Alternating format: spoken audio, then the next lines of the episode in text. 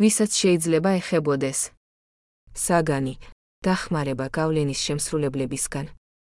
ძვირფასო ქალბატონებო ბატონებო. 2007 წელს შევუერთდი ინვალიდთა ბრძოლას ისრაელში. 2018 წლის 10 ივლისიდან ამას ვაკეთებ მოძრაობა ნიტკაბერის ფარგლებში. გამჭვირვალე შეზღუდული შესაძლებლობის მქონე პირები, რომლებსაც შევუერთდი. როგორც ვიცით, ადამიანებს, რომლებიც ცდილობენ ინტერნეტში სხვადასხვა ნივთების პოპულარიზაციას, როგორიცაა პროდუქტები, ვებსაიტები და ხშირ შემთხვევაში, სხვადასხვა სახის სოციალური ბრძოლა, ზოგჯერ ეხმარებიან ქსელის გავლენის ქვეშ მყოფებს, ცნობილი ადამიანები, ელც, ვარსკვლავები, რომლებიც ხელს უწყობენ მათი იდეები ძალიან მაღალი საფასურისთვის. ჩემი შეკითხვა, იცით თუ არა ეკონომიკური მოდელი, რომლის დახმარებით ჩემნაირ ადამიანებსაც კი, რომლებიც დაბალ შემოსავლით ცხოვრობენ, შეძლებენ ასეთ ფორმატში ინტეგრირებას? საუკეთესო სურვილებით. ასაფ ბენიამინი. საგანი. ტექნოლოგიური ინსტრუმენტები. ძვირფასო ქალბატონებო ბატონებო. 2007 წლიდან ვიღებ მონაწილეობას ინვალიდთა ბრძოლაში ისრაელში. ბრძოლა, რომელიც მოგეხსენებათ, ფართოდ გაშუქებულია მედიაშიც. ერთ-ერთი საშუალება, რომლითაც ჩვენ ვცდილობთ, ხელი შევუწყოთ ბრძოლას, არის სხვადასხვა ტექნოლოგიური ინსტრუმენტები.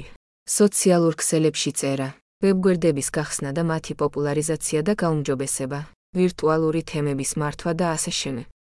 ჩემი შეკითხვა ამ ხრივ არის: შეუძლია თუ არა თქვენს კომპანიას ან ორგანიზაციას შემოგთავაზოთ ტექნოლოგიური ინსტრუმენტები, რომლებიც დაგვეხმარება ბრძოლაში? და თუ ასეა, რომელ სფეროებში და როგორ. საუკეთესო სურვილებით. ასაფ ბენიამინი. 115 კოსტა-რიკის ქუჩა. შესასვლელი ებინა 4. კირიატ მენაჩემი. იერუსალიმი. ისრაელი. საფოსტო კოდი 966252. ტელეფონის ნომრები. საიდუმლო სახლში შევიწროების გამო და საჩივარი ისრაელის პოლიციაში. რომელიც არ იქნა განხილული. მობილური 972 58 6784040. ფაქსი 972 77 270007. აჩემი ად ნომერი 0295474003. და ქვემოთ მოცემულია პოსტი, რომელიც გავაზიარე Facebook-ის ჯგუფში. კალიფორნიის ჩაის წვეულება, კლიპი ინგლისურ ენაზეა. მოусმინეთ მელანი ფილიპსის საუბარს ჰამასის და პალესტინის ხელისუფლების რეალურ ზრახვებზე. ისრაელი ღაზა ჰამასესეს free Gaza from Hamas გაავრცელეს სიმართლე. ისრაელი იქნება ტერორში. ჰიდაბსვე. უ Facebook, come real 10399844284239. ვ. ქვემოთ მოცემულია პოსტი, რომელიც გავუგზავნე Facebook-ის ჯგუფს. სახალხო ბრიტანეთი. რა გველის წინ? კლიპი ინგლისურ ენაზეა. უყურეთ ამ ბიჭს რამდენიმე წუთში როგორ ხსნის დაბნეულობას ისრაელ-ღაზას პრობლემასთან დაკავშირებით. Hamas-ს free Gaza from Hamas. ისრაელი იქნება ტერორში. ჰიდაბსვე. უ Facebook, come real 1737 21769063753. და ქვემოთ მოცემულია პოსტი, რომელიც გავაზიარე Facebook-ის ჯგუფში.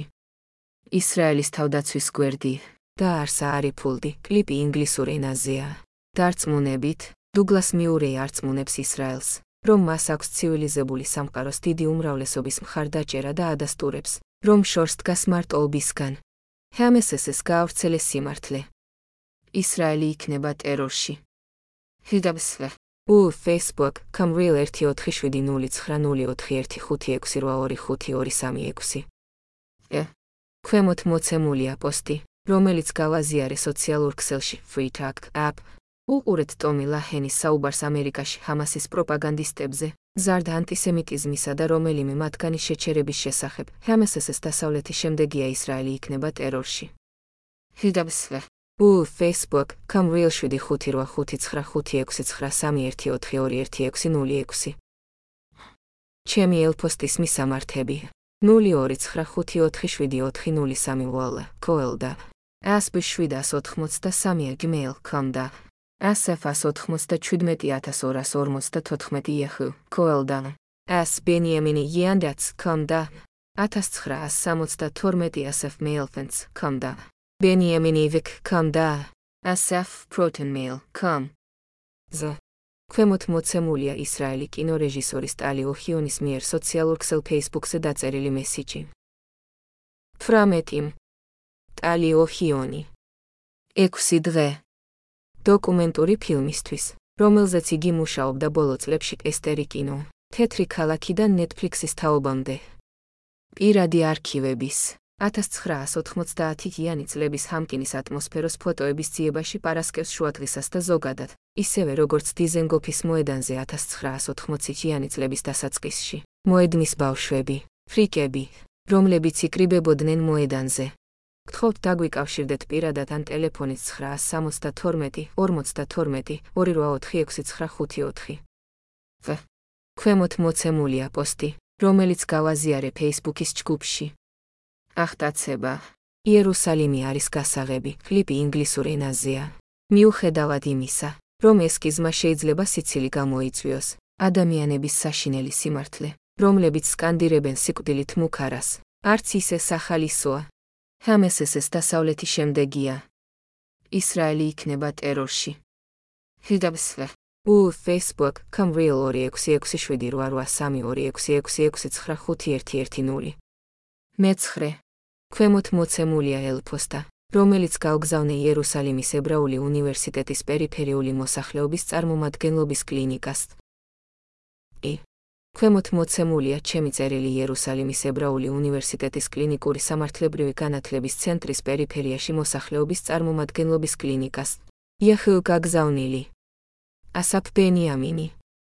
ავტორი. ასაფას 97254 იახილ. კოელ. რათა Law Clinics Savion Hugi XL ორშაბათს 25 დეკემბერს 14 29 საათზე. მივესალმოთ პერიფერიაში მოსახლეობის წარმომადგენლობის კლინიკას. რამდენიმე თვის წინ ჩემგან მიიღეთ მოთხოვნა რომლითაც იუსტიციის სამინისტროს იურიდიული დახმარების ბიურომ უარი თქვა მის განხილვაზე და ეს მიუხედავად იმისა რომ მე ვარ შეზღუდული შესაძლებლობის მქონე და გაჭირვებული ადამიანი. ადვოკატ მიხალ გორენის მიერ გამოგზავნილი ელექტრონული პოსტიდან მივხვდი, რომ საკითხს თქვენ განიხილავთ. მადლობელი ვიქნები, თუ შემეხმიანებით ამ ტესტის შედეგებზე და თუ ჩემს მიერ წამოჭრილ საკითხს კლინიკა პრინციპულად განიხილავს. ასაფმა დაგვიკავშირდა იურიდიული დახმარებისთვის, რათა მიეღო ძირითადი დახმარება განაცხადის პეტიციის მეშვეობით საჯარო საცხოვრებელთან დაკავშირებით. როგორც ასაფმა მითხრა, ჩანს, რომ მან არაერთხელ მიმართა საბინაო სამინისტროს, რათა გაეზარდა ქირავნობის დახმარება და საჯარო საცხოვრებლის უფლებამოსილების აღიარება, მაგრამ ყოველ ჯერზე მას უარყოფითად უპასუხეს. მისი თქმით, ამის მთავარი მიზეზი ის არის, რომ ის არის მარტოხელა, უშვილო, რაც მის მიმართ დისკრიმინაციას ახდენს საბინაო სამინისტროს სხვა განცხადებლებთან შედარებით, მიუხედავად იმისა, რომ ის სამედიცინო და პირად მდგომარეობაშია, რაც ამართლებს დახმარების მიღებას. სამწუხაროდ, განცხადებლის კრედიტში ფინანსური დეპოზიტის გამო, ის არ აკმაყოფილებს კანონით დადგენილ ეკონომიკურ პირობებს იურიდიული დახმარების მისაღებად იუსტიციის სამინისტროში სამართლებრივი წარმომადგენლობის მისაღებად და, შესაბამისად, ჩვენ ვერ მივიღეთ ასაფის განცხადება და განვიხილავთ მას. სიღრმე. თუმცა, ძალიან მადლობელი ვიქნები, რომ შეამოწმოთ, შეგიძლიათ თუ არა მას დახმარება ებრაული უნივერსიტეტის კლინიკური სამართლებრივი განათლების ცენტრის ფარგლებში. მადლიერებით. ადვოკატი კეშეც ათავისუფლებს. იურიდიული დახმარება იერუსალიმის ოლქი. ყურადღება მიაქციე. გთხოვთ არ უპასუხოთ ამ წერილს. შეგიძლიათ გამოაგზავნოთ ელ წერილი ჯერსიო ჯასტეს, გალ იუსტიციის სამინისტროში თქვენთვის მოწოდებული სერვისის ფარგლებში. გეპატიჟებით შეხვიდეთ ყოველი უფლება ვებსაიტზე. ჰიდაბსვე. Go, calls, or gelg. კვირას, 20 აგვისტოს 16. 40 საათზე. გამარჯობა ლირონ და გამარჯობა ასაფ. შევამოწმე, პრინციპულად შესაბამება თუ არა საქმე კლინიკას, მიუხედავად იმისა, რომ ეს არის საკითხი, რომლის შეტევაც ადვილი არ არის. ცოტა დრო მჭირდება საქმის შესასწავლად და პასუხის დასაბრუნებლად და ნებისმიერ შემთხვევაში. თუ საქმე ჩვენს მკურნალობას შეეფერება, კლინიკა სემესტრის დაწყებამდე ოქტომბრის ბოლოს ვერ დაიწყებს საქმის განხილვას. საუკეთესო სურვილებით. ადვოკატი მიხალ გორენი. ადამიანის უფლებათა საერთაშორისო კლინიკა. პერიფერიის პოპულაციების წარმომადგენლობის კლინიკა. კლინიკური სამართლებრივი განათლების ცენტრი. იურიდიული ფაკულტეტი. იერუსალიმის ებრაული უნივერსიტეტი. ტელეფონი 972 258256. ფაქსი 972 258254. Law Clinics Savion, Hugi, XL. Uskl, Hugi, XL.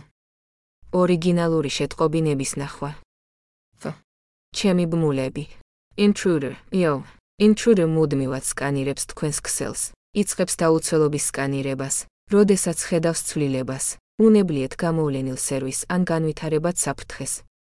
ნიშნელობის არხი. ლომების საზოგადოება, ჰამასის ტერორისტების მიერ გაუპატიურების მსხვერპლთა ურთიერთდახმარება და მხარდაჭერა. ქალები ისრაელში და მთელ მსოფლიოში შეუერთდნენ და გააზიარეთ. უსაფრთხოების გამოწვევების კვლევის ცენტრი ალმა. ისრაელის ეროვნული შტაბი ტერორიზმის წინააღმდეგ ეკონომიკური ომისთვის. Outdoor Military, come. Outdoor Amp, Military არის თქვენი ონლაინ დანიშნულება გარე და სამხედრო ტანსაცმლისა და აღჭურვილობისთვის. სტრესისა და გადარჩენისთვის. ისევე როგორც არმიის ნაგავსაყრელთან ერთად ყოფილი თავდაცვის ტანსაცმლითა და აღჭურვილობით. კერენ შორშის ასოციაცია ფონდი დაუყოვნებელი დახმარებისათვის ჰამასის მიერ ისრაელის მშვიდობიანი მოქალაქეების საშინელი თავდასხმის მსხვერპლთათვის